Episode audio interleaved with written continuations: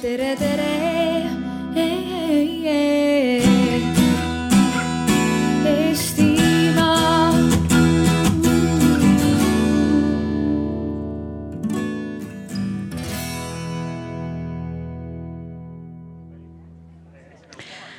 tere hilist pärastlõunat või siis juba vaikset õhku, õhtu algust teile kõigile. meil on äärmiselt hea meel teid siin arutelul näha. See arutelu keskendub täna teemale, et kui meie elust, kui meie elu sõltub meie tervisest, siis millest meie tervis sõltub. ja vaatame täna otsa erinevatele faktoritele, mis meie elus siis tervist parandavad, halvendavad, pikendavad, lühendavad. ja vaatame ka, kui suur on probleem tervi-, õigusega ja ligipääsuga tervisele eestimaalastel ja mida me saaksime siis selles osas muuta meie tänases arutelus on siis kolm väga tarka inimest ja lisaks väga targad teie. et esimesena on meil siis Marko Uibu, kes on Tartu Ülikooli kommunikatsiooniteaduste lektor ja võib-olla teinud väga palju uuringuid sellest, kuidas Eesti inimesed igapäevateemades toimetavad ja millest nad hoolivad. lisaks sellele on meil siis geeniteadlane Lili Milani, kes on siis, vot nüüd just õigel hetkel panin oma paberi kaugele, kes on töötab siis Eesti geenivaramus ja, ja oskab meile väga palju rääkida sellest, millised äh, geneetilised faktorid meie elu mõjutavad. ja viimasena on meil siis Uku Vainik, kes on siis Tartu Ülikooli äh, Psühholoogia Instituudi teadur ja ühtlasi ka siis äh, kui ma õigesti oskan öelda, Montreali ülis, ülikooli külalisprofessor. ja ka võib-olla räägib hiljem oma tööst täpsemalt meie tänane arutelu järgib head arutelu tava. kui teil on küsimus, võite mulle vaikselt käega märku anda, aga võib juhtuda, et ma ei jõua kõiki küsimusi selle arutelu jooksul ära küsida. ja vahepeal ka siis pöördun teie poole, kui mulle tundub, et on eriti hea aeg teie sisendit kuulata. palun teil selles osas olla paindlik lihtsalt, kuna teid on nii meeldivalt palju, et me päris kõik äh, üksteisega kõik korraga rääkida ei saa kui korra mõelda, millest me üldse räägime, siis kas mitte see varakevadine kriis ei ole kõige traagilisem, aga täpsem illustratsioon sellest, kui tähtis on tervis.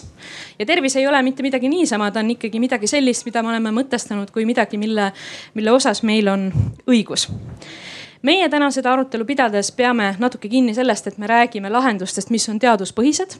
see tähendab, et need lahendused, mis lähevad teaduse tõestusest väljapoole, meil ei ole lihtsalt väga häid kriteeriumeid, mille alusel neid võrrelda ja samamoodi me ei räägi täna ainult ravijärjekordadest või haigekassast, mis on sageli tervisearutelude täiesti arusaadav fookus, vaid proovime rääkida tervisest laiemalt sissejuhatavalt äh, ma tahaksin, et te korra äh, võtaksite või äh, vaataksite otsa enda kõrval olevale inimesele. kui neid on mitu, siis vaadake kõigile otsa, kui teil ei ole, siis võib-olla liikuge mõne oma sõbra või siis lihtsalt sõbraliku näo poole. ja korra soovisin, et te mõtleksite ja räägiksite üksteisega või arutaksite, mida tähendab see, et tervis on meie õigus. et meil on õigus tervisele. annan teile selleks pool minutit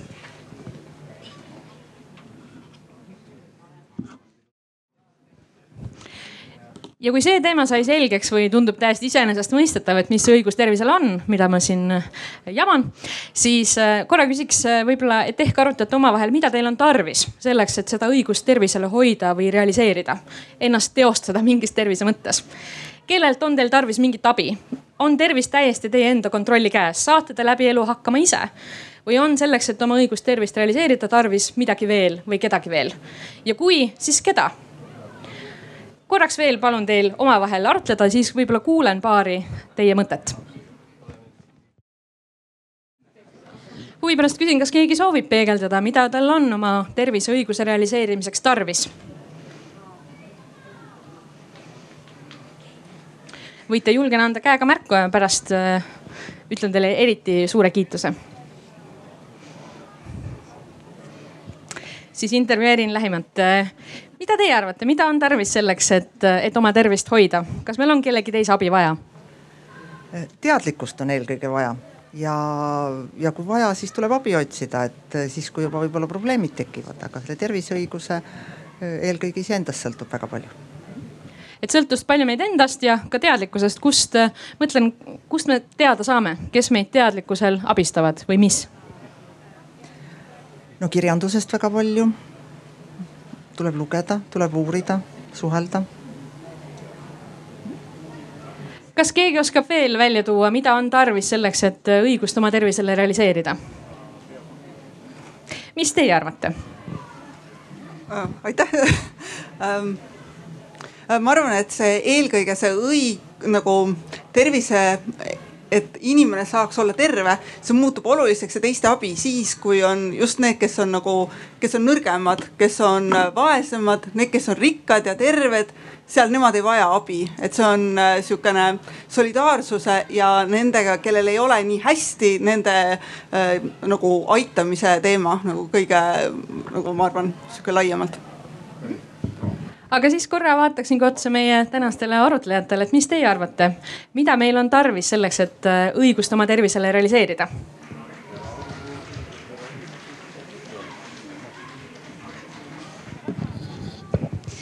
no ma võin alustada, et äh, äh, ma olen täiesti nõus, et selleks on vaja teadmisi ja, ja et äh, oluline on see, et, äh, et otsida just neid õigeid teadmisi, et kuidas äh, osata leida just äh, noh, tõenduspõhiseid teadmisi ja ma arvan, et selleks on vaja ka usaldust ja, ja kannatlikkust. et äh, me just enne arutasime, et miks äh, inimesed muutuvad kannatamatuks ja, ja otsivad vastuseid hoopis näiteks perefoorumitest või sotsiaalmeedia gruppides. et, et see, kui perearst ütleb, et oodake ära, kuni see lapse palavik langeb ise. see nagu ei ole rahuldav vastus äh, lapsevanemale. ja, ja siis ta otsib seda vastust või, või teadmisi või, või tegelikult toetust mujalt. ja kui sinna juurde lisada, mida ma ise oluliseks pean, siis on see selline toetav keskkond.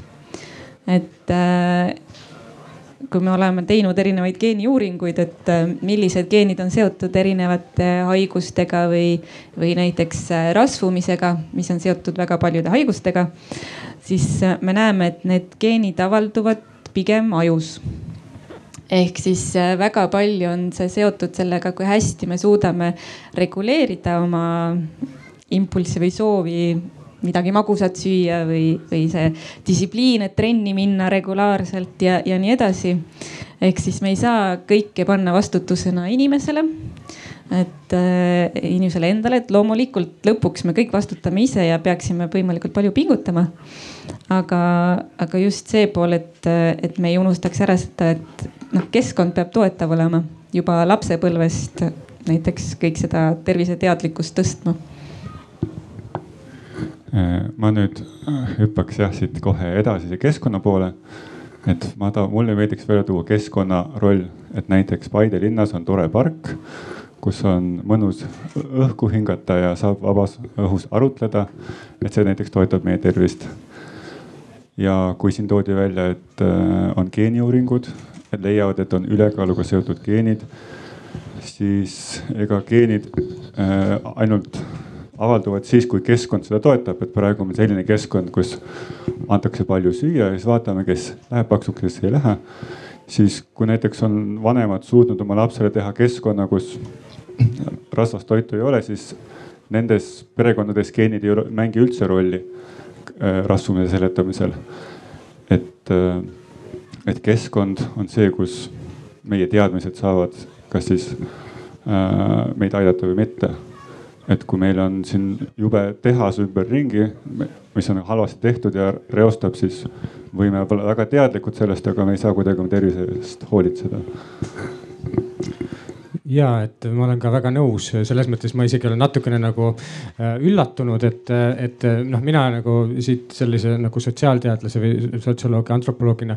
noh, minu jaoks just see nagu see keskkond ja kultuur ja see, et mis inimest ümbritseb, tundubki, et noh, see on väga oluline. aga, aga nüüd me olemegi jõudnud juba sinna, et, et, et tegelikult nagu, nagu tõesti, et, et, et keskkond ja, ja see äh, ka, millises kultuuris inimesed elavad, kes nende ümber on, on tegelikult äärmiselt kriitiline kriitilise tähtsusega. ja, ja võib-olla nagu üks, üks nagu küsimus ja, ja mis, mis on natukene nagu selline intriig ka on see, et kuidas me nagu tervisest siis mõtleme. et, et ka selle, selle arutelu püstituse selline noh, see eeldus on ikkagi see, et, et tervis on üpris nagu noh, individualistlik või individuaalne asi on ju, et me, mina saan öelda, et kas mina olen terve ter,, terve ja tervislik või mitte, on ju, et me, me suudame, me üldiselt mõtleme vist pigem nagu tervisest niimoodi nagu, nagu, nagu enda või, või mingi inimese, inimese mõttes.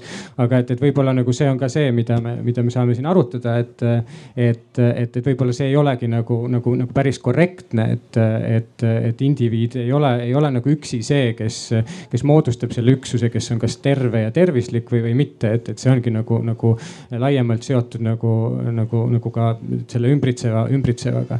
ja võib-olla nagu, nagu alustuseks äh, veel on nagu, nagu küsimus selles üldse, et, kuidas me tervist äh, mõistame. et, äh, et mulle tundus ka, et, et, et siin pigem nagu noh, ma ei tea, et kui ma ütlen, et, et, et tervis tähendab haiguse puudumist, et kas te, kas te olete sellega nõus, kes, kes ei ole nõus sellega, kui ma ütlen, et tervis on haiguse puudumine? no mõned käed olid ja et tõepoolest, et tegelikult äh, äh, maailma Tervishoiuorg- või WHO, eks ole, juba ja, ja see, ja see definitsioon on aastast tuhat üheksasada nelikümmend kuus äh,, kus WHO ütleb, et tervis ei ole mitte äh, haiguse puudumine, vaid füüsilise, vaimse, emotsionaalse, sotsiaalse heaolu seisund. ehk siis, et tegelikult äh, juba, juba nagu noh, sealt püütakse tervist defineerida nagu oluliselt laiemalt ja kui me mõtleme sellele, et mis on nagu heaolu ja mis on meie heaolu kaaluks vaja. et siis see on juba nagu ka oluliselt, oluliselt noh, suurem nagu selline tegurite ring. et see on, see on selles mõttes noh, selline nagu huvitav, huvitav mõelda, et, et, et, et me kogu aeg nagu tegelikult hüppame nende kahe tähenduse vahel, et, et tegelikult pigem me tava, tavatähenduses ja ma ei tea, kas äh, enamik siin või noh, peaaegu kõik, kes kätt ei tõstnud, kas te lihtsalt ei tahtnud jumala eest kätt tõsta, et muidu äkki teid küsitakse, et palun öelge midagi valjusti. see on, ma arvan, tõenäoline või, või, või tõepoolest nagu see, et, et me käsitleme tervist kui nagu haiguse puudumist ja see, see on see, mille nimel me tegelikult nagu siis ka äh, noh, tervislikkuse mõttes nagu, nagu tööd teeme, aga, aga võib-olla jah, peaks seda mõtestama kui, kui rohkem isegi heaolu mm.. et probleemi püstituse mõttes võib-olla vaatame korra otsa, et mida siis õigus tervisele võib veel tähendada. et võib-olla esimesena kindlasti see ju, võib-olla te olete minuga nõus, tähendab ju seda, et me tahaksime, et meil oleks puutumatus meie füüsilise tervise osas. et keegi, eks ole, ei tuleks ja ei lööks meid, ei sekkuks meie tervisesse, ei ründaks meid, ei teeks midagi halvasti. kas me saame ise seda alati kontrollida, mis te arvate? kes arvab, et seda me saame ise alati kontrollida? Jah, tõenäoliselt ei saa, eks ole, olete nõus. meil on tarvis mõnikord selleks abi, meil on tarvis mõnikord seadusi, meil võib tarvis olla politseid, et oma tervist kaitsta. me nüüd kuulsime paari juba näidet sellest, et meil võib tarvis minna eksperte, arste, süsteemi, mis annab meile nõu ja informatsiooni, kui meil tekib terviseprobleem, äh, haigus, äh, mille siis puudumisest äh, sa rääkisid kes, kes meist või kelle eest meist makstakse makse selleks, et tervisesüsteemi ülal pidada, mis meid teenindaks eks ole. ma vean kihla, et kõigi eest, teie eest makstakse tervise eest makse ja see on päris suur maks, kui me järele mõtleme, eks ole. ja samal ajal me peaks siis saama selle eest mingisuguseid teenuseid, millele me ise peame siis ligi minema, me peame ise olema aktiivsed, et seda infot kätte saada. seega ja siis, eks ole, me toimetame igapäevases ruumis, mis ei ole meie oma. meie avalik ruum, mis siin on Paides väga ilus, mida ka me ei saa alati kontrollida kui me elame Pärnu maanteel või Liivalaia tänaval, kuigi me võib-olla saame küll ära kolida, siis on suur tõenäosus, et meie tervis võib seal elamise tõttu näiteks olla halvem, kasvõi õhukvaliteedi mõttes. ja seda me täna vaatamegi, et kui erinev see õigus tervisele eestlaste seas on, kui suur probleem see võrreldes muu maailmaga on ja mida me saame teha. ja ka väga julgelt ootan, et te mulle vastu vaidlete, kui te sellega nõus ei ole nüüd korra minnes nagu abstraktse sihukese vaate juurde. et me oleme päris palju, kuigi tervisest on veel palju õppida, meil on päris palju midagi, mida me oleme teada saanud. ja korra mõtleme, et kui on üks äh, beebi, üks selline tore äh, Eesti keskmine beebi, kes siia maailma sünnib, äh, siis millest sõltub või millest hakkab sõltuma tema tervis, mida me teaduse põhjal teame sellest, et milline tema elukäik tervise mõttes saab olema mis faktorid seda siis mõjutavad, mõned te olete juba välja toonud, aga korra vaatame Liili, sina tead jah palju geenidest, et räägi meile täpselt, kuidas nad töötavad. et kui palju nad meid mõjutavad ja millisel viisil? no me saame minna väga keeruliseks siin geneetikas ja epigeneetikas ehk siis kuidas mõjutavad juba noh, või mõjutab ema elustiil juba lood, toote arengut ehk siis kas ta suitsetab, tarvitab alkoholi raseduse ajal või mitte. ja, ja kuidas see mõjutab loote arengut ja, ja millised eelsoodumused tal siis juba kaasas on.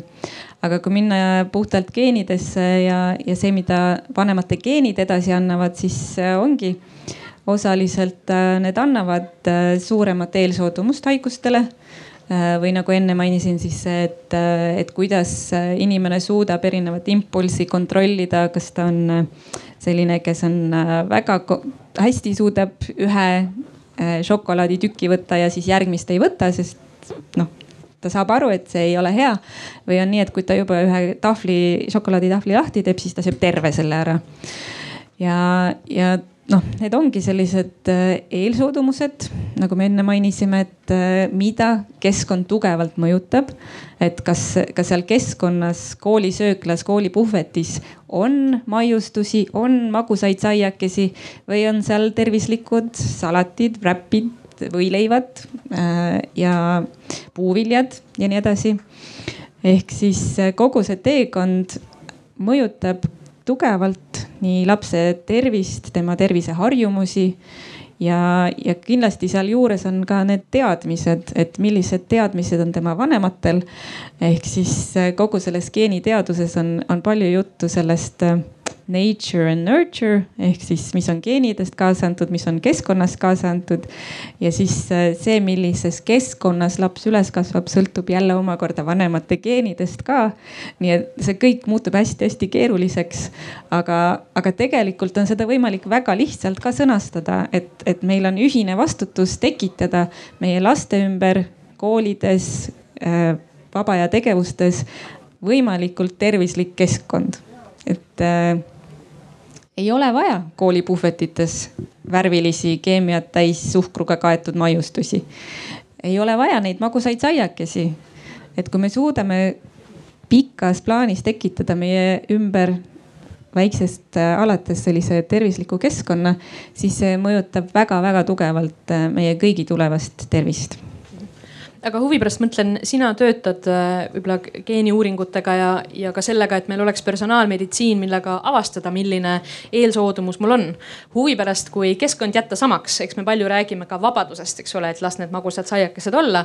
kas me saaksime kasutada äh, neid teadmisi geenidest, et siiski oma, oma eelsoodumusi muuta?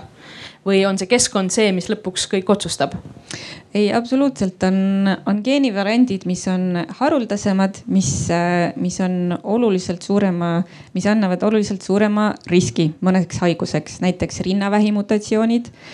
Need noh, neid on väga-väga raske keskkonnaga mõjutada, et kas, kas perekondlik rinnavähk, sellised mutatsioonid esinevad umbes ühel inimesel kahesajast ja, ja nendel naistel äh, on tõenäosus saada rinnavähk äh, kaheksakümnendaks eluaastaks äh, noh väga kõrge. ja, ja väga paljud neist haigestuvad juba kolmekümnendates, neljakümnendates noh vanuses kolmkümmend kuni nelikümmend ja juba palju varem kui see, kus hakatakse üldse Eestis screen ima mammograafia või, või nagu ennetavat screening ut tegema, et neid rinnavähijuhte üles leida aga sellepärast see on ka üks põhjusi, miks me personaalmeditsiiniga tahame jõuda võimalikult paljude inimesteni. sest me oleme teinud erinevaid uuringuid, kus me näeme, et sellise mutatsiooniga naisi on Eestis väga palju. ja suur osa neist ei ole varem jõudnud arsti juurde kuigi mõni lähisugulane sai küll rinnavähi diagnoosi üsna noores eas, siis see teadlikkus praegu ei ole piisavalt kõrge, et kui mõni naissugulane või keegi lähisugulane haigestub noores eas rinnavähki, siis peaksid kõik lähisugulased minema kontrolli. Aga noh, niikaua kui see ei tööta, siis saame seda infot hoopis geenide põhjal näiteks kasutada.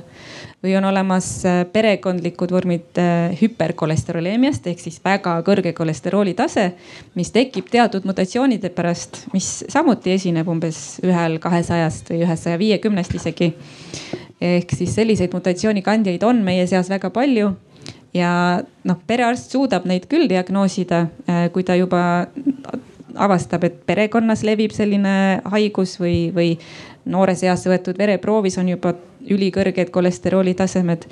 aga jälle seal geeniandmetes me näeme, et nii paljud noh, pooled mutatsioonikandjatest ei ole veel ühtegi sellist diagnoosi saanud, ehk siis ise ei ole sellest teadlikud ja tõenäoliselt perearst ka ei ole sellest teadlik ehk siis noh, tegelikult on väga palju geeniandmetes ka juures, mis, mis on kahjuks sellised väga halvad mutatsioonid, mis meie seas esinevad, aga noh, ennetava meditsiiniga või ennetava sekkumisega on võimalik ka need riskid maandada, aga need vajavad noh arsti sekkumist, et seal on oluliselt keerulisem, et inimene suudaks ise või keskkonna abil seda riski maandada. Sinu jutu põhjal mulle tundub, et, et sa ütled, et me saame kindlasti midagi ära teha, kui me saame nendest riskidest teadlikkust, ehk siis see eeldab, et me lähme ikkagi kontrolli, lähme arsti juurde, kaardistame oma seal need riskid. on see nii, on see võimalik praegu neid riske kaardistada juba? Ja, ja neid äh, kõrge riskiga mutatsioone on võimalik ka nii-öelda tavameditsiinis kaardistada, et selleks ei ole tegelikult personaalmeditsiini otseselt vaja, aga me näeme, et noh, tavameditsiinis neid ei kaardistata, neid ei leita, teadlikkus on liiga madal. ehk siis seal aitab personaalmeditsiin ja see ennetav geneetiline testimine väga Uku, sina oled äh, uurinud äh, erinevaid äh, võib-olla ülekaalulisuse ja söömishäiretega seotud teemasid. huvi pärast mõtlen, et kui palju seal võib sellisest geneetilisest infost olla abi või mida sa oled teada saanud?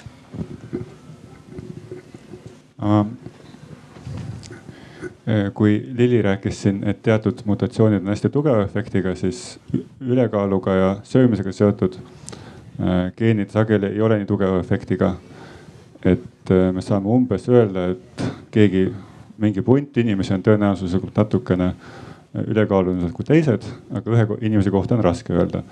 et seal ma arvan, selline geneetiline risk, see võib-olla ei ütle palju. ja seal oleks kasulikum võib-olla mõelda, kuidas keskkonda muuta tervislikumaks, nagu siin enne räägiti koolisöökla muutmisest, et kõik oleksid natukene saledamad ja siis me ei peagi ükshaaval inimesele ütlema, et et äh, näed, et sina peaks siin kaalu langetama, sina mitte. aga mis mina olen teada saanud, on see, et, äh, et esiteks, et ülekaal, eks ju, on Eestis ja maailmas levinud. see on seotud psühholoogiliste omadustega. inimesed, kellel on ülekaal, tunnevad ennast sageli halvasti. ja kindlasti ei aita nende mõnitamine, sest kui see aitaks, siis keegi ei oleks enam paks aga noh, on siis näha veel see, et inimesed, kellel ülekaalul, neil on sageli on see seotud haridusega, et kõrgema hariduse inimestel on, ei ole nii ülekaalu probleeme. ja siis võiks hakata mõtlema, mis see siis tähendab, et kas me siis peaks andma inimestele rohkem haridust, jah. aga kõik, eks ju, ei saa äh, lõpptargaks, see ei saa olla lihtsalt võimalik, et inimesed on erinevad. et kas me peaks siis neid andma mingisuguseid äh, spetsiifilisi teraapiaid nendele inimestele, et neid järele aitama või äkki ma, ma hiljuti olen jõudnud psühholoogina teistpidi pööramiseks, et äkki peaks kaalu langetamine olema nii raske ülesanne, et, et inimene peaks olema kõrgharidusega, doktorikraadiga, et kaalu langetada, et miks see on nii raske ülesanne et raske ülesanne sellepärast, et meie toitu pommitatakse kogu aeg, et sööge, sööge, sööge ja siis vaadatakse, kellele see jääb külge, kellele ei jää. et äh, ma arvan, et me võiks su suunduda sinna et minu uuringud ei näitaks enam, et haridus ja ülekaal on seotud. et eh, enda vormis hoidmine ei peaks olema raketiteadus, vaid peaks olla väga lihtne ja siin on keskkonnal suur roll, ma arvan. et need toidulõhnad siin saadavad meile segaseid sõnumeid selle arutelu jooksul, eks. Marko ja, aga siin on ikkagi üsna tervislikud toidud, eks ole, mis näitab ka seda, et, et meie siin oleme sellises nagu noh, oma mullis, eks ole, ja, ja noh, et, et kes tahab äh, ebatervislikku toitu, peab minema siit alla ja minema vaatama, otsima. siin Paides ilmselt on ebatervislikku toitu ka.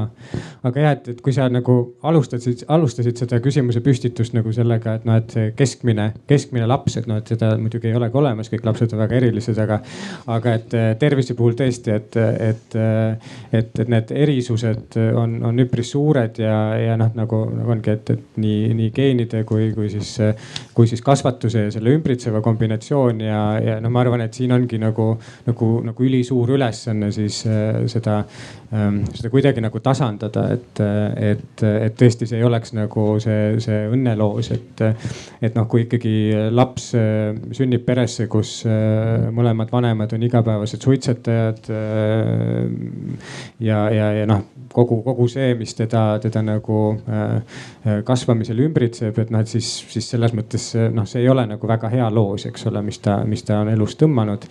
ja noh, Eestis on selles mõttes isegi suhteliselt hästi sellega, et need, need vahed ei ole nagu nii suured, et ähm, võrreldes mõne teise riigiga.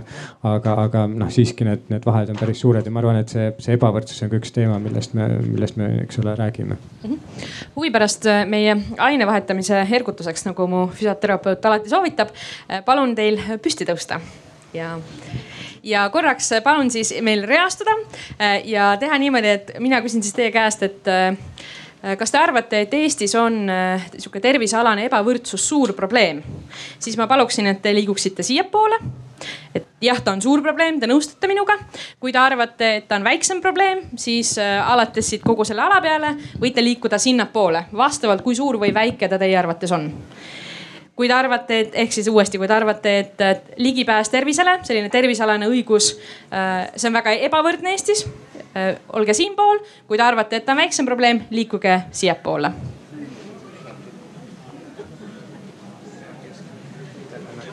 ja teie, jah, teie ka liikuge ringi. suur, natuke väiksem ja läheb lõpus sinna, et on äh, väiksem nii, äh, ma nüüd vabatahtlikult küsin, et kui keegi ei taha, siis ma, siis ma ei lähene, ma luban. Kas keegi soovib põhjendada, et miks, miks ta nii arvab? Andke käega märku mm. -hmm. Te pääsesite, ei ole hullu. ma siis küsin meie publik, meie arutlejatelt, et Marko, sina jah, ütlesid, et see on suur, suur probleem sinu arvates. aitäh, võite tagasi istuda.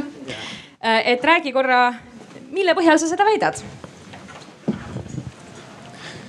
tervise puhul me ah,, näed, ma istun meie äh, nähtamatu liikme kohale, et äh, tervise puhul on nii palju neid, neid tegureid, mis, mis neid erisusi loovad, et äh, ja need erisused tulevad välja siis konkreetsetes tervisenäitajates, aga ka konkreetsetes tervisekäitumise näitajates, et kui me vaatame noh näiteks äh, suitsetamist, siis need, need vahed on ikkagi päris suured, eks ole, et ma kirjutasin endale mõned numbrid välja ka, et mitte eksida, et, et kui, kui Kirde-Eestis kahe tuhande kaheksateistkümnendal aastal suitsetas igapäevaselt kolmkümmend seitse protsenti, et siis äh, Põhja-Eestis, no see on Tallinn suuresti, eks ole, ka, et äh, oli see, oli see kakskümmend protsenti, noh, need vahed ei ole tegelikult noh, nüüd nagu ülisuured, aga, aga, aga see on ikkagi nagu selge tendents, samamoodi on, äh, on, on üsna suured vahed, eks ole, hariduslikult, et, et, ähm, et siin kõrgharidusega naised suitsetavad keskmiselt seitse koma kolm protsenti naistest ja, ja, ja põhihariduse puhul on see kakskümmend neli koma neli protsenti, ehk siis need, need vahed on ikkagi nagu, nagu päris mitmekordsed. et, et, et, et see näitavad, et, et need elustiilid ja need, need noh, see, kuidas nagu, mida, mida inimesed peavad normaalseks, tervisenormid on ikkagi nagu, nagu üpris erinevad. ja, ja, ja kui sa, kui sa oled nagu selles normaalsuses sees elad, eks ole, sul on sõbrad sellised, kes suitsetavad. see on, see on normaalne viis viis, kuidas sa äh, kuidas sa vaba aega veedad või, või noh, ka näiteks, eks ole, äh, muud äh, tervist kahjustavad või, või just nagu tervislikud eluviisid, et. et, et siis see on noh, sa oled selles mõttes nagu, nagu ikkagi ankurdatud sinna või sa oled natuke nagu kinni selles, et sellest on, sellest on väga raske nagu välja tulla ja, ja noh, muud ka, eks ole, tervise, tervise arusaamad, et, et noh, meil on ka väga-väga palju sellist nagu põnevat variatiivsust, no et, et uurija jaoks on see põnev variatiivsus, aga noh, et, et, et noh, inimesed, kes on näiteks äh, väga tugevalt äh, tavameditsiini vastu, eks ole, vaktsiinivastased grupid ja nii edasi. et, äh, et, et, et see on nagu, nagu mingi teatud selline normaalsuse režiim, kus, kus inimesed tegutsevad ja, ja noh, sealt on nagu väga raske tegelikult välja tulla ja, ja, ja, ja noh, sealt need, need erisused ka siis kindlasti nagu kasvavad. Teie olite minu arvates natuke keskemal pool, kui mul, kui ma õigesti märkasin, et millest see? no mina mõtlesin äh, ravijärjekordade peale ja, ja jälle noh, Eestis kõik oli suhteline, kellega me võrdleme, võrdleme Ameerikaga või võrdleme noh Euroopaga. et kui mõelda ravijärjekordade peale, siis mind õudselt häirib see, et äh, üritad äh, erialaarsti juurde saada aega haigekassa kulul siis on kolm kuni kuus kuud vaja oodata aga küsid, et aga kui ma ise maksan, ei siis on homme aega. et noh, see tekitab minus õudselt äh, sellist ebaõigluse tunnet, et noh mõni saab, mõni ei saa ja miks on nii, et siis jälle rikkad saavad kiiremini seda ravi, mida nad vajavad või võib-olla isegi ei vaja, onju. aga, aga need, kes ei jõua seda ise kinni maksta, et nemad ei saa, et see on minu arust suur eba, ega ebavõrdsus ja, ja see ei ole okei okay. Korra siis vaatame veel mõnele statistikale otsa, et tõepoolest äh, Marko siin midagi, äh, mõned numbrid juba tõi välja. ka ise siis uurisin natuke Eesti terviseandmeid ja olen ka nõus, et maailma mastaabis pole hullu, aga tundub, et Euroopa Liidu vaates võiks nagu midagi rohkemat olla, et kui te näiteks olete kõrgharidusega mees, on teil äh, siis sünnihetkel tõenäosus elada siis kolmteist koma neli aastat kauem kui põhiharidusega mees. ja samamoodi, kui te olete kõrgharitud naine, on teil võrreldes põhiharidusega naisega võimalus või tõenäosus elada siis üheksa koma neli aastat kauem samasugune, eks ole, samasugused või sarnased lõhed eksisteerivad Eesti erinevate piirkondade vahel, kus, eks ole, võib-olla inimesed Ida-Virumaal ütlevad, et väga vähesed neist peavad oma tervist heaks, samal ajal kui Läänemaal elavad väga inimesed väga tervislikult ja hästi. Et tegelikult tundub, et neid lõhesid on palju ja teid kuulates tundub, et see, et see on no, isegi natuke nagu fatalistlik või et me ei saa midagi teha, et see on niivõrd noh kui see sõltub mu haridusest ja me harva oma haridustaset võib-olla elu jooksul siis uuendame või vähemalt nüüd ütleme, et hüppan põhiharidusest kõrgharidusse, et me ei saagi midagi teha. Aga huvi pärast küsin, kas Marko, sina ütlesid, et on see ankur, see inimene elab seal keskkonnas kas see võib ka olla, et see inimene lihtsalt tahab, et talle meeldib suitsetada, et see on meie vaba valik, et noh, nii ongi hea elada. Anna, mis asi üldse on vaba valik oh,? aga, äh, aga selles mõttes äh, kindlasti selles osas ei, ei, ei pea olema nagu kuigi fataalne. no ma arvan, et tervise puhul see, see põhimure on selles, et, et, et palju nagu tervisekäitumise puhul me ei peaks nagu tegema tervise nimel. vaid noh, me võiksime nagu süüa tervislikult sellepärast, et noh, täpselt see on kättesaadav, see on maitsev ja nii edasi, on ju. samamoodi, et, et, et me ei peaks nagu Ehm, noh, hambad ristis nagu oma, oma neid päevasamme saama kätte, eks ole, minema kuskile tänavale, kus on, kus on ebamugav kõndida ja, ja kus on äh, saastunud ja, ja ikkagi noh, et jumala eest, et tervise pärast ma saaksin oma kümme või kaksteist tuhat sammu kätte et, et, et see ongi natuke nagu selline noh, selline laiem nagu keskkonnadisain ja see, et, et kuidas nagu äh,, kuidas nagu noh, kõike seda äh, võtta nagu seda koormat siis sellelt indiviidilt ära ja, ja selle tõttu ka tegelikult neid, neid erisusi vähendada. et võib-olla üks näide, mille, mille ma võiksin tuua siin ja millega ma olen nüüd mõned aastad töötanud ühes programmis, mis, mille eesmärgiks on see, et, et, et lapsed liiguksid koolis rohkem ja, ja kus, kus on väga selgelt ka, eks ole, äh, see üks, üks väärtus, miks seda just, just koolis teha, ongi see, et, et, et üldiselt noh, väga erineva taustaga lapsed on koolis. ja, ja, ja kui me teeme kampaania, et peredele näiteks, et, et võtke lapsed ja liikuge ja et see on kasulik ja noh, te veedate toredasti aega ja nii edasi, eks ole, kõik on, kõik on väga hästi. siis, siis sellega haakuvad, haakuvad need pered, kes nagunii liiguvad palju. et et äh, kui me tegime ka millalgi eeluuringuid sellele liikuma kutsuva kooli programmile, siis, äh, siis sealt ka tuli väga selgelt välja, et seal uuringus meile tulid osalema need, need pered, kes rääkisid nagu edulugusid sellest, et kuidas noh, põhimõtteliselt ma ei saa aru, kuidas sellel perel on üldse aega millekski muuks, nad ainult liiguvad, ainult on sportlikud, käivad igal pool, eks ole. ja, ja, ja sellised noh, et ja, ja nemad võtavad need, need üleskutsed nagu, nagu vastu ja, ja, ja, ja selle tõttu nagu selline nagu kampaania kommunikatsioon ei, ei, ei ole nagu tingimata väga-väga tulemuslik. või, või vähemalt see, see kampaania kommunikatsioon neid, neid lõhesid veel nagu suurendab. aga siis ongi, et, et, et, et noh, näiteks liikuma kutsuva kooli puhul on, on eesmärk siis kogu kooli kultuuri ja, ja seda, mis koolis toimub, niimoodi vaikselt ümber kujundada nii, et, et inimeste praktikad ja, ja see, kuidas mingeid asju tehakse, kuidas näeb välja vahetund, et, et sul ongi võimalus vahetunnis liigutada ja see liigutamine ei ole sellepärast, et, et sa tahad nagu nagu olla tervislik või kaotada kaalu. lapsed on, ma arvan, siin hea nagu indikaator selle või hea selline noh, et, et, et kui, kui me ei lähe ütle nagu, et, et kuule, paks poiss või tüdruk, et võta ennast kätte ja, ja või, või ma ei tea, võib-olla keegi noh, see ei oleks hea, see ei oleks nagu ilus, eks ole, me tajume seda. aga, aga, aga täiskasvanute puhul me ikkagi nagu, nagu seda individuaalset vastutust võib-olla paneme natukene rohkem siis indiviidile.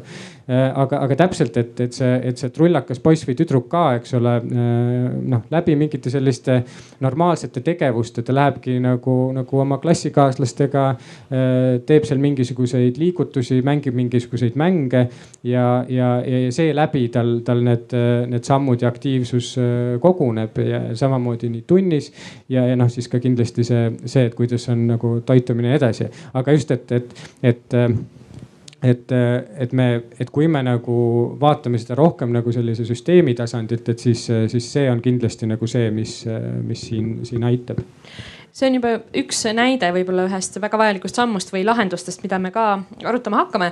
võib-olla huvi pärast küsin, täiskasvanute puhul me tõepoolest ju eeldame rohkem vastutust ja eks see kõlab läbi nii ka aeg-ajalt meie aruteludest selle üle, kes maksab tervisekulud, kui ka meie igapäevasest seisukohtadest nii alkohoolikute, suitsetajate, ülesöömise kõige osas kas see mõte sellest, et indiviid ise vastutab oma tervise eest ja et ja et see on tema otsus ja tema kätes meie arvates või meie ühiskonnas on selline arvamus. Kas sellel on ka mingi kasu, miks meil on selline idee sellisest elustiilist, tervisevabadusest? Äh, ja, ja kas me peaksime seda säilitama või, või millist muudatust meil on tarvis, et te olete väga palju rääkinud keskkonnamõjust, otsekui öeldes, et inimesel endal on vähe kontrolli. aga miks me siis seda kontrolli ideed täiskasvanute puhul nii väga eeldame? Uku? no meile endal meeldib mõelda, et me teeme seda, mis me tahame. ja me ise, kui meie teeme seda, mis me tahame, siis teised võiks samamoodi käituda. Et äh, ma arvan, et see on selline mõttemaailm. aga noh, alati me ei taju, et see valik võib olla ka piiratud meie keskkonna poolt, et siin näiteks toiduga tuleb hästi välja see, et me valime toit, seda toitu, mis meile meeldib.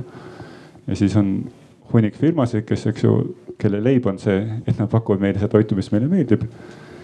ja siis, kui on valida näiteks siis ütleme sellise igava tervisliku vahel ja siis atraktiivse vorsti vahel, siis eks ju kõik, kõik ostavad vorsti, siis teised vaatavad, et seda igavat tervislikku ma vist ei peaks müüma, müün ka vorsti. niimoodi paradoksaalselt tegelikult valik väheneb.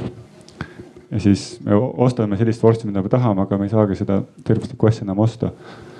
et äh, uuringud näitavad, kui valikut suurendada, äh, näiteks restoranis panna pooled toidud taimetoitlust, taimetoidulisteks, siis äh, inimesed ka ostavad neid rohkem, sest neil on see valik juures. Et ja ma just natuke läksin originaalsest küsimusest kõrvale, aga.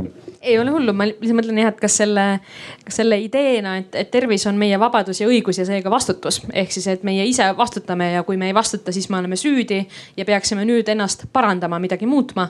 kas sellel ideel on mingi kasu, on mingi väärtus, et me seda ühiskonnas hoiame?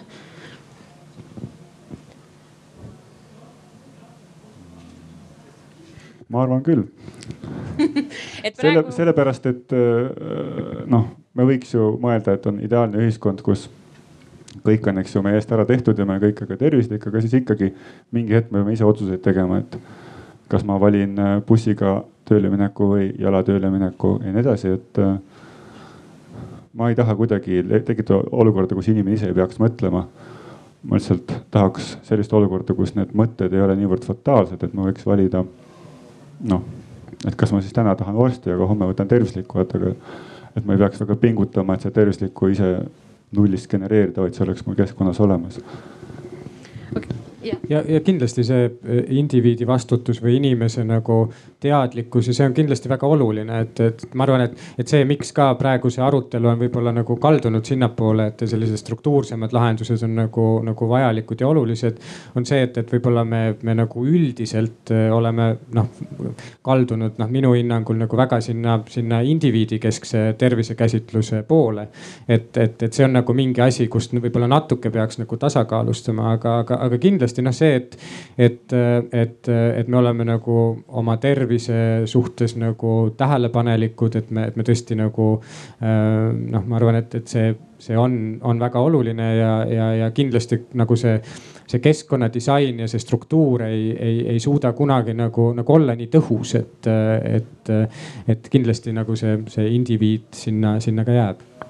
Et natuke on vaja mõlemat, aga see kindlasti ei ole siis nii absoluutne, kui võib-olla sellisest tüüparvamusest võib tunduda jah, sest see indiviidikeskne äh, lähenemine on ka suht noh, et, et see on ka nagu, nagu suhteliselt lihtne näiteks äh, noh otsustajatele või ütleme üldse nagu, nagu mingite, mingite süsteemi kujundajad, see on selline nagu, nagu noh, vaba, vaba vastutus ja eks ju kõigil on, kõigil on see vabadus olemas ja noh, et ise on süüdi, eks ole, et miks ta siis, miks ta siis sööb, ostab neid šokolaade nii palju, eks ole, noh rumal on noh, või noh, et või no ma ei tea, armastab šokolaadi, noh, ma ei tea liiga palju hästi, aga hüppame korra siis nende lahenduste juurde, sest mulle tundub, et, et, et me nõustume sellega, et ebavõrdsus on probleem. kui suur probleem võrreldes teistega, see on tõepoolest küsimus. aga vaatame, et nüüd on teie võimalus disainida maailm ümber. Te olete need kõikvõimsad äh, teadlased, keda kõik poliitikud kuulavad või siis meie ühiskond korra mõtleb, mis te teeksite. et okei okay,, koolid tuleb ümber disainida siis seda šokolaadi on palju ja rämpstoitu on palju, aga mida, mida siis me saame päriselt parandada, et, äh, et see tervisele, et see õigus tervisele oleks võrdsem ja inimesed oleksid tervislikumad. maailm on teie auster, palun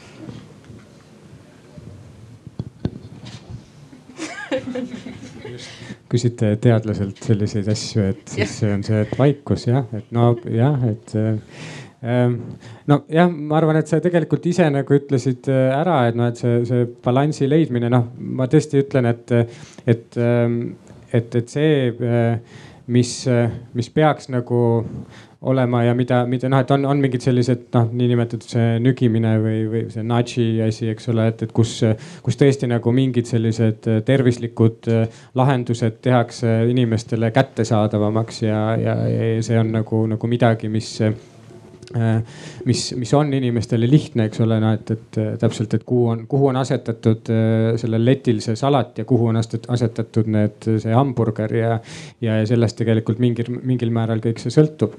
aga, aga kindlasti ka sellised äh, lahendused on, on, on nagu piiratud.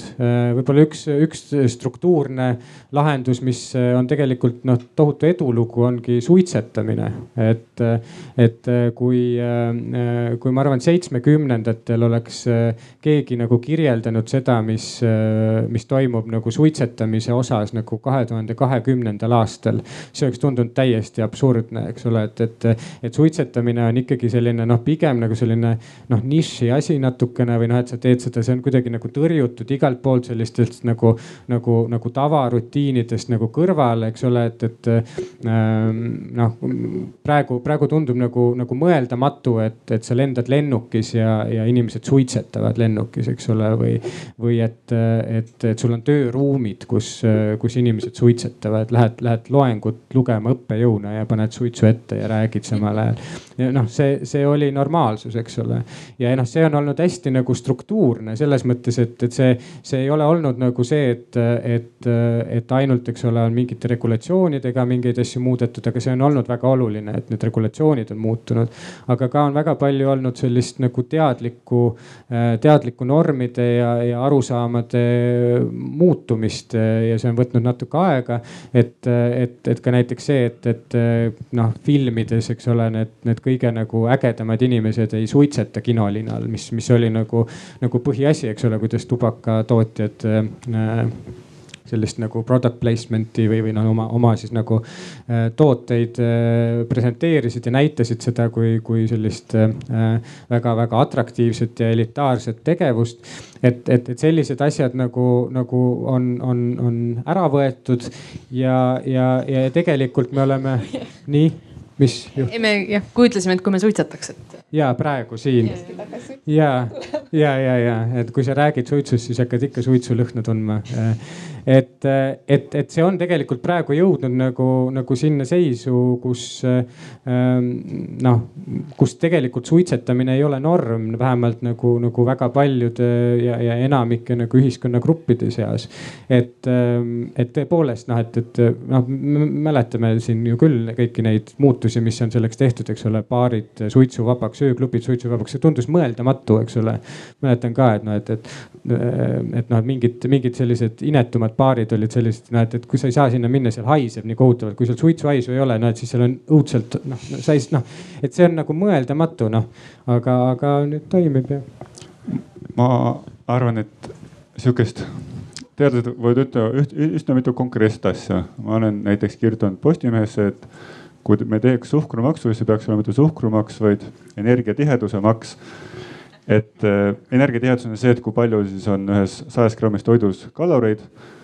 ja meie, meie aju jaoks nagu teatud piirist üle, näiteks banaanist üle, energiatihedus on täiesti käsit-, liiga tihe, me ei saa sellest aru.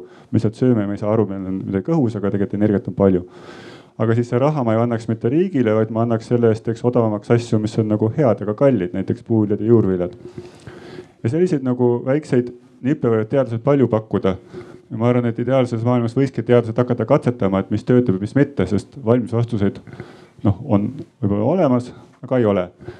ja ma arvan, et see katsetamine võiks olla täiesti nagu vaba, sellepärast et kui mõelda, mis teiselt poolt tehtud on, siis äh, meie tähelepanu eest võist-, võistlevad äh, tooted, kes meie tervist aeg-ajalt rikuvad, nemad katsetavad kõike, mis toimib.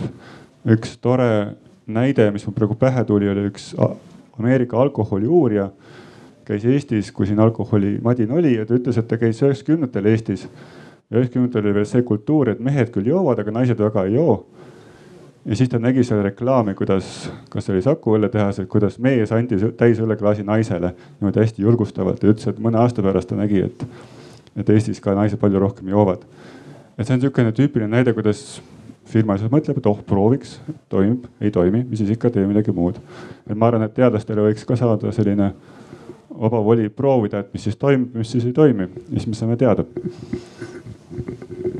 huvi pärast, äh, kuna tundub, et eks äh, ka te ise ju puutute kokku viisidega, kuidas äh, ma ei tea, halb lahendus silma hakkab või mida paremini teha. taaskord palun teil korra partneriga peegeldada, et kui teie saaks midagi muuta, teha midagi, et ligipääs tervisele oleks võrdsem, parem nendele inimestele, kelle tervis on halvem või kellel on halvemad võimalused tervisele ligipääsuks, mis te teeksite? ja annan teile selleks ühe minuti, et aktiivselt korra mõelge, et mis, mis te teeksite me oleme kodanikud, meil on võimu küll. Nonii, äh, korra huvi pärast ikkagi uuriks äh, mõnda teie lahendust, et muidu, äh, muidu siit kuuleme, kuuleme teadusmaailmast, aga igapäevaelu on ka tähtis. kas keegi soovib välja tuua, mida te, mida te pakute, mis võiks olla hea lahendus? et ma siin liigun, ma taaskord ei taha kedagi sundida rääkima, aga julgustan hoogsalt, et meil on aktiivne arutelu kas äkki teie soovite jagada? halb äh, Eesti Vabariigis alkoholist rääkida, aga kuna alkohol on nii-öelda tervisele halb, siis mõtlesime, et äkki võtta Soome Vabariigi lahenduse ja panna alkoholi eraldi poodi. et sul on alkopood ja see on toidupoest eraldi, et siin hinnad kõik jäävad samaks, aga lihtsalt see on nii-öelda inimestel natuke ebamugavam võtta sealt, et see on üks variant. jah, veel lahendusi me siin arutasime ikkagi filosoofiat Eesti rattarikkaks. et äh, minu salajane unistus on sama, mis toimub Helsingis, et mul on võimalik panna Google Maps'i, kui ma tahan kuskile minna, kuidas sinna jõuab ka rattaga, sest see võimalus on olemas mitte, mitte see, et mul on ainult jalakäija ja auto ja siis ma pean otsustama, kas ma vahepeal muutun jalakäijaks või autoks. äkki siit keegi? Kas teist, teie soovite? ei soovi mm? -hmm. Yeah. aitäh, et äh, äh, mina, ma mõtlesin selle peale, mis oli, räägiti siin või noh, mis me arutasime siin enne või te arutasite teemal, et inimese omavastutus. et äh, mulle ikkagi tundub see, et, äh, et hästi oluline on see, et inimene nagu, et sageli inimestel ei ole neid vahendeid, et see inimestele selle nagu nende õpetamine või nende aitamine selle jaoks, et nad saaksid võtta vastutust ja teha muutust. on nagu hästi oluline, et kui me räägime sellest ka, et ja kus need inimesed nagu satuvad, et, et kasvõi see, et kui me noh, siin on ka jälle see paralleel näiteks selle alkoholi teemaga, et me räägime alkoholiennetuse puhul, me räägime näiteks motiveerivast intervjueerimisest arsti juures. et meie kogu see meditsiinisüsteem on praegu sihuke väga nagu konservatiivne, väga haiguspõhine, aga kui me läheksime Äh, läheme niimoodi nagu läheneme inimestele personaalselt ja et, äh, ja anname nagu inimesele seal neid äh, nagu vahendeid ja võimalusi, et ta saaks ise nagu võtta vastutuse ja ennetada ja nagu teha neid muutusi, et ähm, et mulle tundub, et noh, kõik siuksed, äh, siuksed võimalused, et jah, jah. ja muidugi. Ka, et nagu selle tervise alus inimestes ongi, et ta saab inimesena olla, aga seal on need kõik need eeldused peavad tagatud olema, inimene on sotsiaalne olend on ju, kui ta ei saa niimoodi suhelda noh teiste inimestega võrdselt ja samamoodi noh. mis iganes asjad tulevad siin mängu, see keskkond ja kui tal ei ole seda tervislikku keskkonda ja noh, sealt toit ka, aga põhimõtteliselt ongi see, kuidas pere, perekond on, kogukond on ja nad teevad koostööd ja seal on noh, nii palju asju, kui, kui ta ei saa inimesena ennast väljendada, elada, siis ta ei saa ka terve olla sest see on nagu oluline, et ta, et ta püsiks ja et ta säiliks tervena, sest teised inimesed mõjutavad meid ja see keskkond mõjutab nii palju.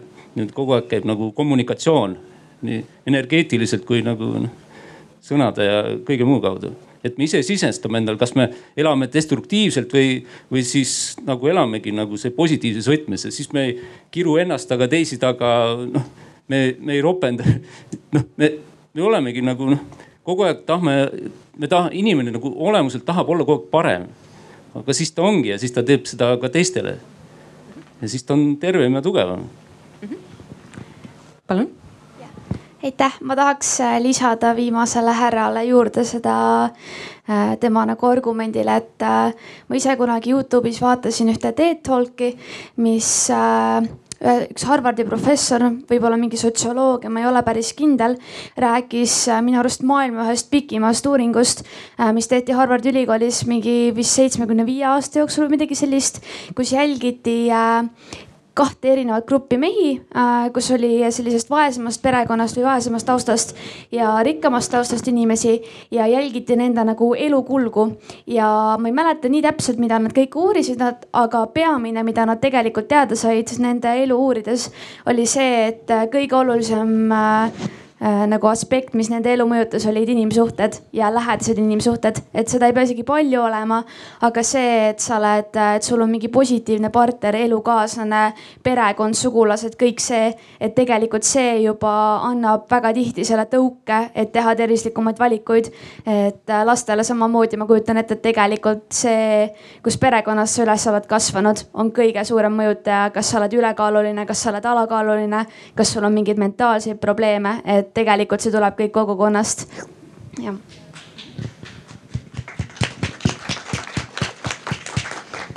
-hmm. Kuulasime siis äh, mõningaid lahendusi ja üks teema, mis tuli üles, oli siis äh, mingis mõttes selline teadlikkus ja ligipääs ressurssidele. et oletagem, et mul on terviseprobleem ja ma tahan seda lahendada. mul ei ole väga häid teadmisi, et äh, kuidas nendele teadmistele ligi pääseda või, või mis mure meil selle teadlikkusega on, et mingis mõttes see info on ju kõik olemas, et, et sina just rääkisid meile kõikidest nendest võimalustest, aga miks, miks need inimesteni ei jõua? no ma ei tea, ma arvan, et ma olen teadlasena õppinud seda, et me peame suhtlema rohkem ühiskonnaga ja inimestega. et eh, tule oma teadusmullist välja ja, ja räägi, kirjuta äh,, avalda arvamust ja jaga seda, mida sa avastad, jaga seda inimestega.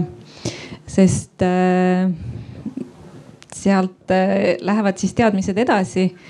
aga mis me oleme näinud, on ka seda, et teadmisi on väga palju ja, ja on ühiskonnas need, kes otsivad tõenduspõhist, teaduspõhist infot. ja siis on, on need, kes ei usalda millegipärast ähm, noh, kas nad on, nad ei usalda arste või nad ei usalda teadlasi või nad ma ei, ma tegelikult ei tea, keda nad äh, kõige rohkem usaldavad või mis, mis infot nad otsivad, aga kui me mõtleme ka näiteks Eesti personaalmeditsiini projektiga, projektile, siis äh, sellega on liitunud praeguseks äh, kakssada tuhat inimest üle Eesti ehk siis kakskümmend protsenti täiskasvanud ela, elanikkonnast. ja noh, mingil hetkel hakkavad need inimesed saama geenipõhist, tõenduspõhist äh, tervishoidu. ja, ja kas see peaks siis nii olema, et need, kes ei, ei soovi äh, geenianalüüsi, et need saavad siis kehvemat tervishoidu. või need, kes ei teadnud ennast kirja panna?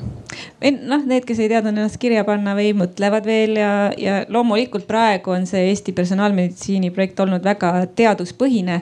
ehk siis äh, seda ongi juhitud kui teadusprojekti aga, aga kui see jõuab tervishoidu, siis peab olema inimestel ka see võimalus, et ta soovib ainult eh, enda jaoks seda geenianalüüsi ja ta ei tahagi oma andmeid jagada teaduse arenguks. et eh, see õigus loomulikult peab ka tekkima inimestel.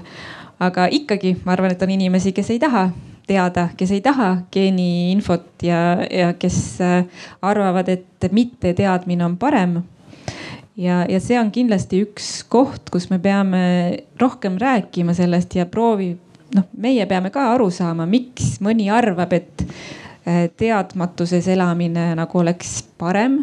lihtsam. lihtsam, no aga kui me mõtleme rinnavähile ja varakult avastatud rinnavähile, mis on täiesti ravitav, võrreldes rinnavähiga, mis on juba metastaseerunud äh, üle organismi laiali neljandas faasis ja ei ole mitte mingil moel enam ravitav.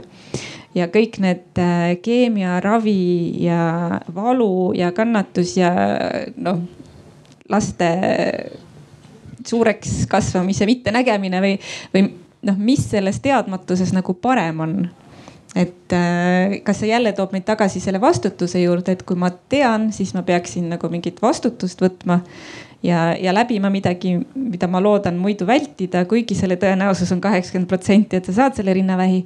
et ähm, noh mis selle taga on, et võib-olla meil on vaja siin sotsioloogide ja psühholoogidega palju põhjalikumalt uurida seda, miks mõned tahavad, miks mõned ei taha, mis need hirmud on, mis meid äh, tagasi hoiavad ja, ja kuidas äh, luua usaldust üldse nagu teaduse vastu laiemalt, et, et kõik äh, usaldaksid teaduspõhist infot Marko, mis sina arvad, mis, mis on selle taga, et inimesed teadust kas ei usalda või, või neil on mingi probleem sellega, et sellest infost pole neile abi või et nad isegi ei otsi seda infot?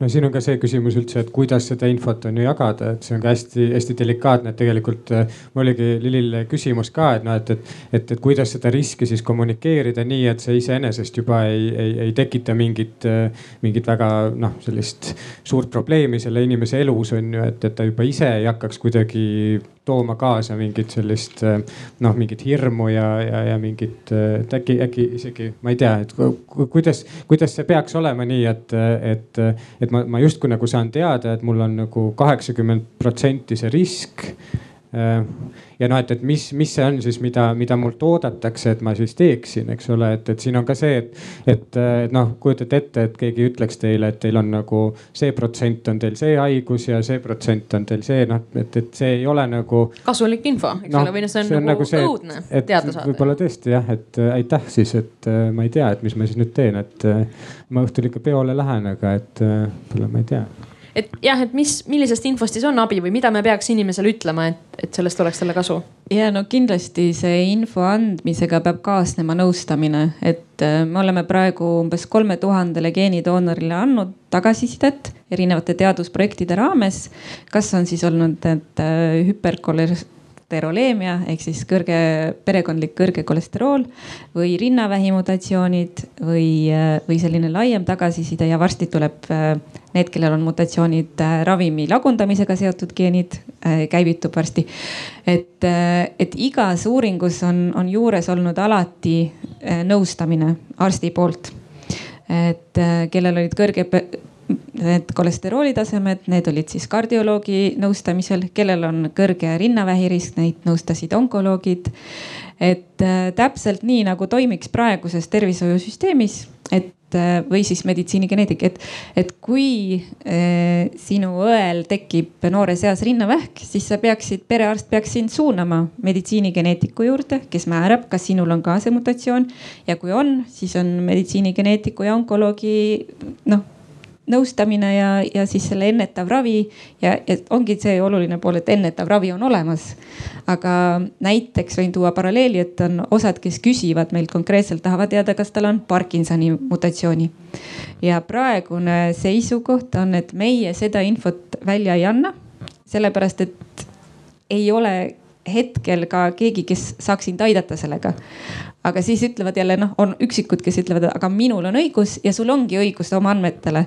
et kui sa küsid oma andmeid välja, siis, siis sa kui sa suudad ise seda sealt välja otsida ja, ja, ja seda vabadust, et noh see kõik on üks hästi keeruline, keeruliselt tasakaalustatav küsimus. Et mõni tahab teada ka siis, kui ennetavat ravi ei ole olemas, ta tahab lihtsalt teada, et ta siis planeerib oma edasist elu teistmoodi või, või mis iganes, aga üldine suhtumine meditsiinigeneetikas on see, et me ei anna inimesele teada geneetilistest riskidest, millega ei ole võimalik midagi ette võtta aga noh, need on eetilised ja, ja sotsiaalsed arutelud, mida tuleb pidada ja alati tuleb loomulikult ka lugu pidada sellest, mida inimene ise arvab ja mõtleb. Uku, on siiski väga palju inimesi, kes äh, esiteks võib-olla ei ole ennast ei geenidoonoriks kirja pannud, kes võib-olla käivad ka väga vähe arsti juures. see korreleerub nende samade näitajatega, mida me ennem vaatasime, mis ka ebavõrdsusega seotud on. haridustase, võib-olla kus ma elan. Äh, kuidas, kuidas need inimesed mõtlevad või mida meil on tarvis teha selleks, et need inimesed äh, saaksid seda abi või oleksid suurema tõenäosusega pöörduksid arsti või mis iganes info poole, mida neil on tarvis? Ma ei ole seda otseselt uurinud, nii et ma tulistaks puusalt. mulle väga meeldis see kogukondade teema, mis siin tõstatati. et kui kogukonnas on norm nende teemadega tegeleda, siis on seal kõigil äh, selline kerge sotsiaalne surve ennast äh, reipalt koos hoida. üks selline kogukonnameditsiini edulugu, mis aeg-ajalt räägitakse, on Ida-Soomes Karjalas, kus inimesed surid kuuekümnendatel reipalt mitte reipalt, aga noh, neid suri palju ja siis eks tervishoiu inimene proovis seal eh, kogukonnad ette võtta ja teha nagu Karjala pirukat tervis, tervislikumaks ja teisi traditsioonilisi retsepte tervislikumaks ja. et viia sisse sinna sellist tervisliku söömise normi ja, ja see enam-vähem paistis, et ka see, ka see aitas et äh, ma arvan, et äh, kogukonnas on tõenäoliselt äh, võti, aga noh, kogukonna ja nüüd uuringuid on veel tehtud, et kunagi, kui toitumise rohelise raamatu esimene esitlus, siis käis üks Taani teadlane rääkimas, kuidas nad Taani saarel proovisid seda teha, et tekitada sihukest üldist normi, et, et tervis on see, mida hoida.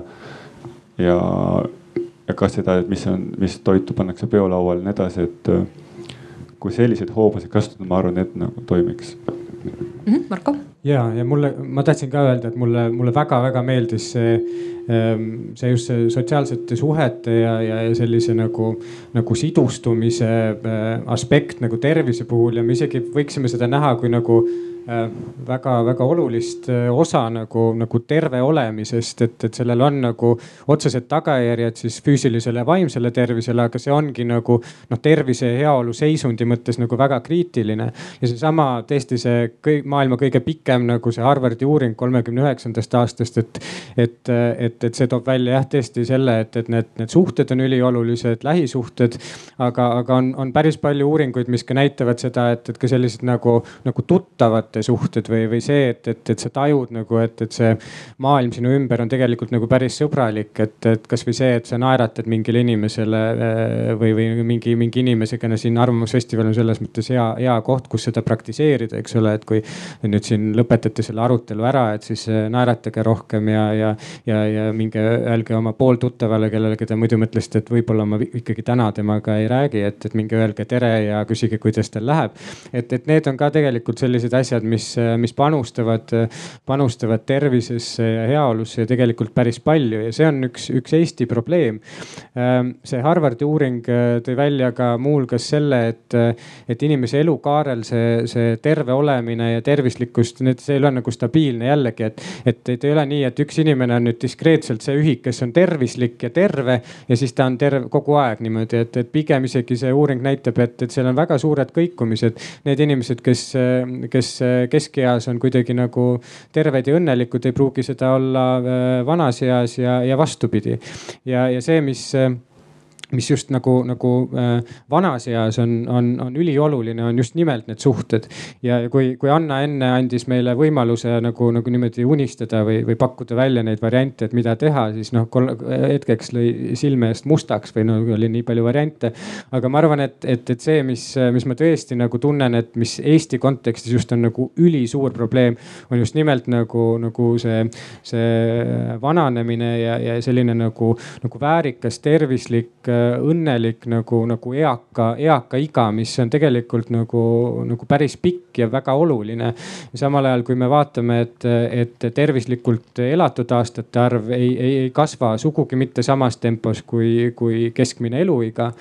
ja, ja üks põhjus, mis, mis Eestis tegelikult tuleb ka välja erinevatest uuringutest ja, ja ma ise olen ka nagu rääkinud eakate inimestega, teinud intervjuusid ja, ja nii, et, et, et, et see sotsiaalne sotsiaalsete kontaktide hulk ja, ja see, see, kui kuidas need tegelikult inimest toetavad, see ei ole piisav.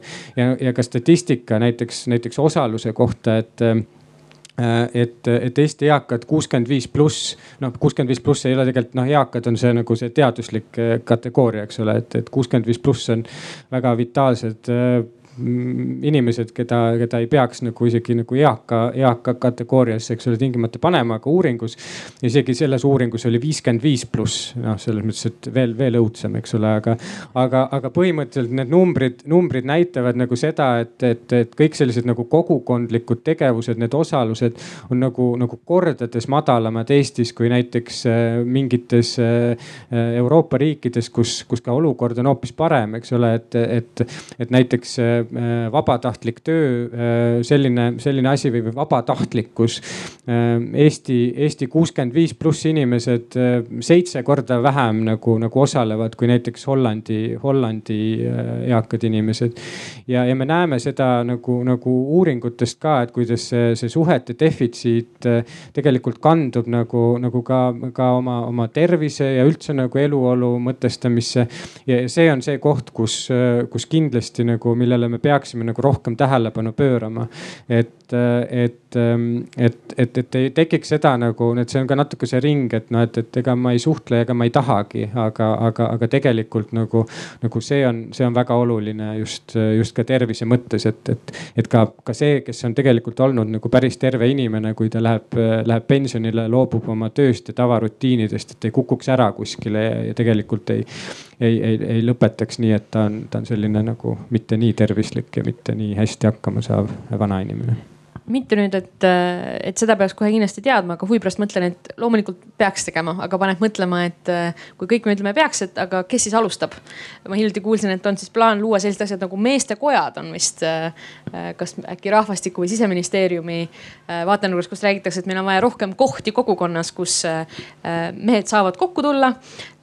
Mis selles valguses ei ole tingimata üldse halb idee.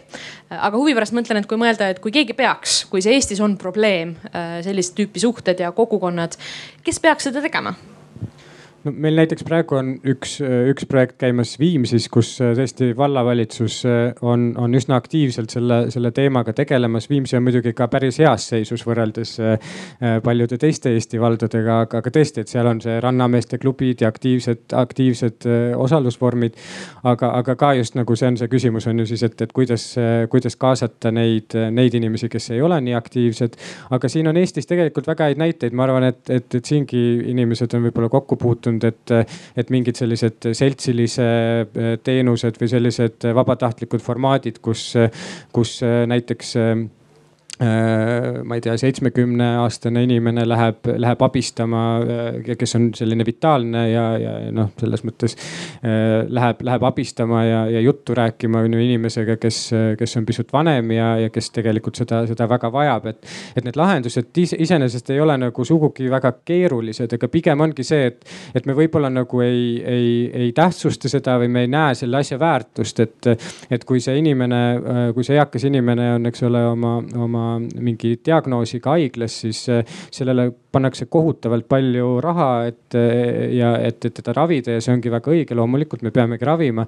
aga, aga samal ajal nagu, nagu see, et, et mis teda sinna noh haiglasse ka potentsiaalsemalt toob, eks ole, et, et need, need tegurid ja, ja, ja need võivad olla tegelikult nagu üpris, üpris lihtsad, lihtsad asjad mm. -hmm. huvi pärast uurin teie käest, et äh, palun andke käega märku, kui te arvate, et sellist tüüpi lahenduste eest peaks rohkem äh, vastutama riik. ehk siis see peaks tulema mingisugusest äh, võimust, kes peaks ette võtma need kojad või suhtlemiskojad või tegema projekte. kes on sellega pigem nõus, tõstke käsi mm. -hmm ja võib-olla siis vastandina korra vaatame, et kes arvab, et, et see peab olema kodanikealgatus, et mm. -hmm ja võib-olla lihtsalt kolmanda variandina, kuigi ma tean, et võib-olla läheb selle jah vahele, kes arvavad, et see roll on eksklusiivselt kohalikel omavalitsustel mm? -hmm, väga vähe käsi, aga mõistan, et keeruline püstitus.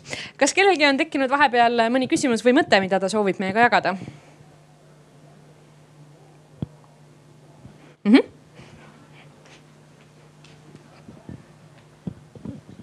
Ma tahtsin öelda, et äh, olles olnud, äh, nimi on Liisa Loog olles olnud erinevates riikides ja vaadanud, kuidas, kuidas seal vanemad inimesed siis enda, enda nagu aega sisustavad pärast seda, kui nad on töökohustusi enam nii palju ei ole või nad on otsustanud töökohustustest lahti öelda vanuse tõttu. et tihti need on tegevused, mis, mis äh, tähendavad seda, et neil on nagu materiaalselt kõik hästi, et neil ei ole enam äh, suuri äh, finantsilisi kohustusi, mis, mis, mida tihti meie vanainimestel ka ei ole. aga sellegipoolest need kohad on kruiisilaevad, need on vabatahtliku äh, tegevused, mille eest ei saa tasu ja nii edasi ja nii edasi. et kui ma nüüd enda vanavanematega mõtlen üks, üks küsi-, üks asi on see kultuuriline, mida, mida ilmselt on nagu lihtne kampaania korras või äh, muuta. aga teine asi on ka see praktiline pool, et, et ilmselt see nüüd, kui meie teame, kuidas oma pensioni jaoks ette valmistada, see läheb loomulikult üle. aga praegult ikkagi mul on tunne, et see jääb väga palju ka materiaalsete küsimuste äh, taha ehk siis põhimõtteliselt me räägime madalatest pensionitest, eks ole hästi äh,, mõtlen või tegelikult mitte hästi, see ei olnud sobiv kommentaar äh,. korra küsin siis äh,, mulle tundub, et mingis mõttes ja teie äh, reaktsioone vaadates tundub, et meil on otsekui peaaegu üksmeel, et sellised keskkonda mõjutavad kogukonna lahendused on hea mõte. ja samamoodi võib-olla ka keskkonna kujundamine väga proaktiivselt, et isegi kui meil on vabadus, meil oleks kergem selles maailmas toimetada niimoodi, et see rämpstoit meil igal hetkel meid ei ahvatleks äh,. ja et ei oleks cool, eks ole, samamoodi nagu enam ei ole suitsetamine cool ometigi on väga palju vastuliikumist sellist tüüpi keskkonna kujundamisele, kui mõelda Eesti poliitikale. et siis tegelikult ju selline suhkrumaks, tervisemaks, tervisepoliitikad, alkoholipoliitika näitel kõige rohkem ei ole saanud väga palju poolehoidu. ja see on muidugi jah, võib-olla ka veel kolmandate teadlaste lahendada, aga mind huvitab, miks see nii on? mis te arvate, miks meil on ühiskonnas selline vastasseis? või mis inimesi ärritab selle keskkonna kujundamise osas? Kõik tahavad olla vabad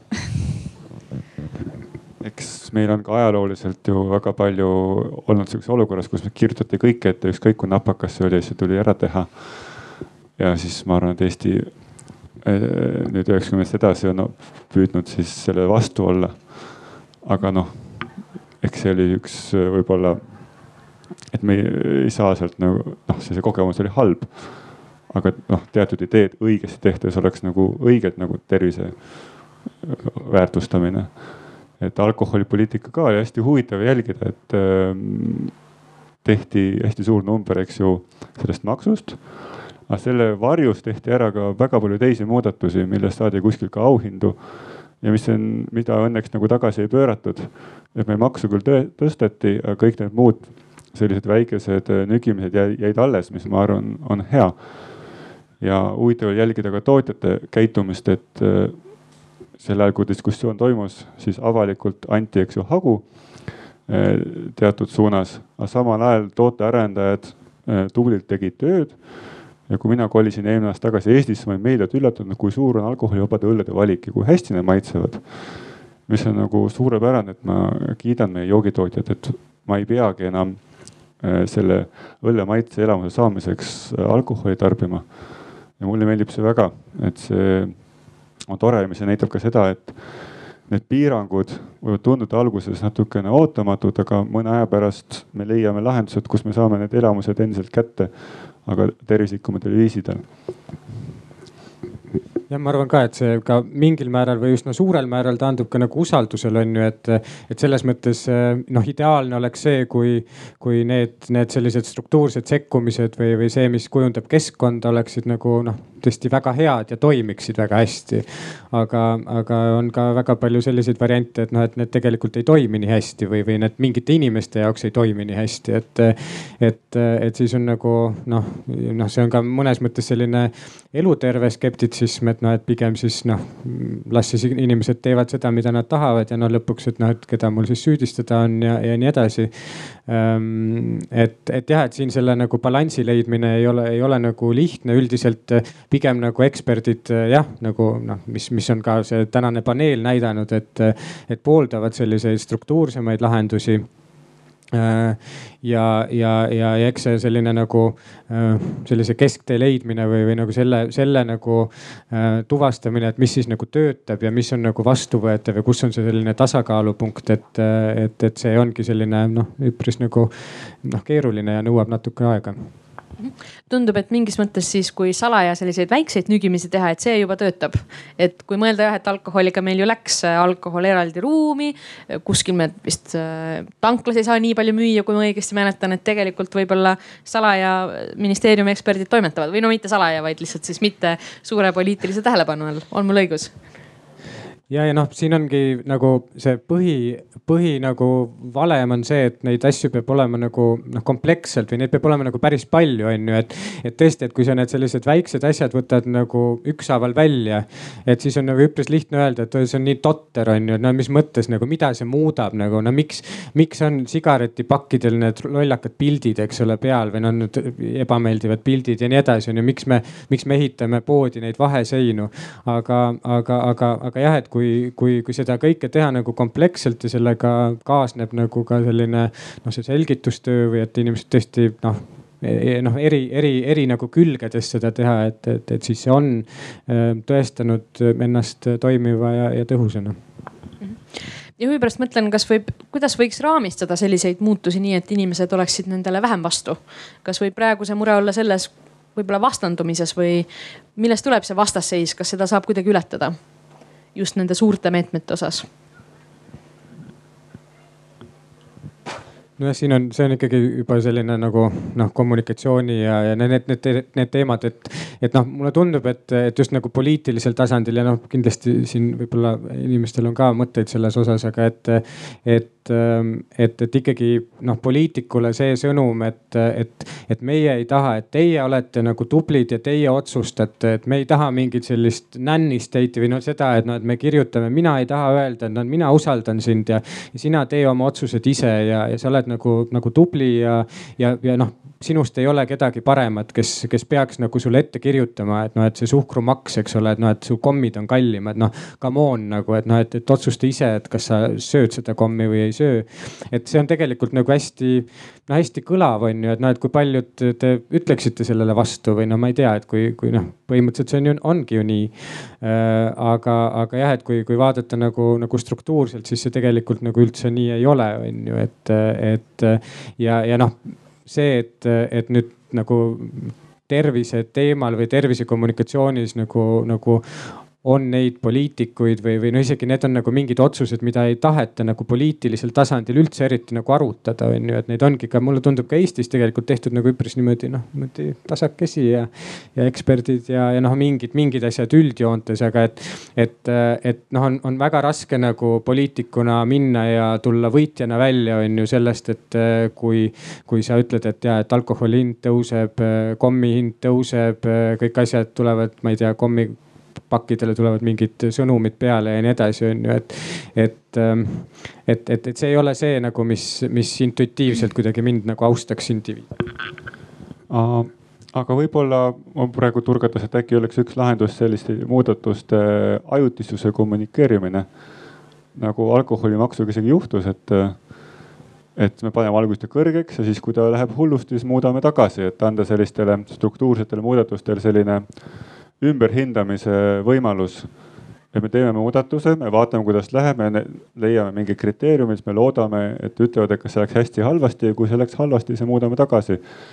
et võib-olla Tartu autovabaduse puiestee oli õnneks eks ajutine, ehkki ta isegi siis tekitas palju e-, emotsioone ja võib-olla siis näiteks õlleaktsiis samamoodi, et see küll ei plaanitud niimoodi, et see viidi sisse kui raudkindel, aga siis tuli järgmine valitsus ja muutis selle tagasi.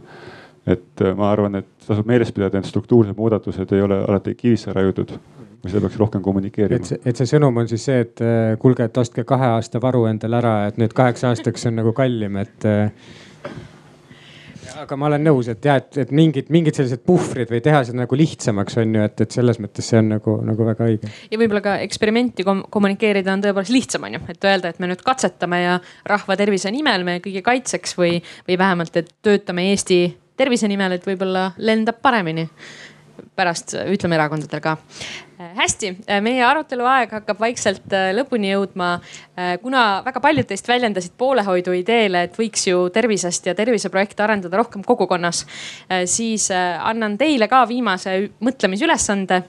ja selleks on, et kui teie peaksite ükskõik kui pisikese sellise tervist parandava algatuse oma kogukonnas algatama või oma sõprade seas midagi head tegema, et proovida inimesi lihtsalt nendesse parim tervis välja tuua, mis te teeksite?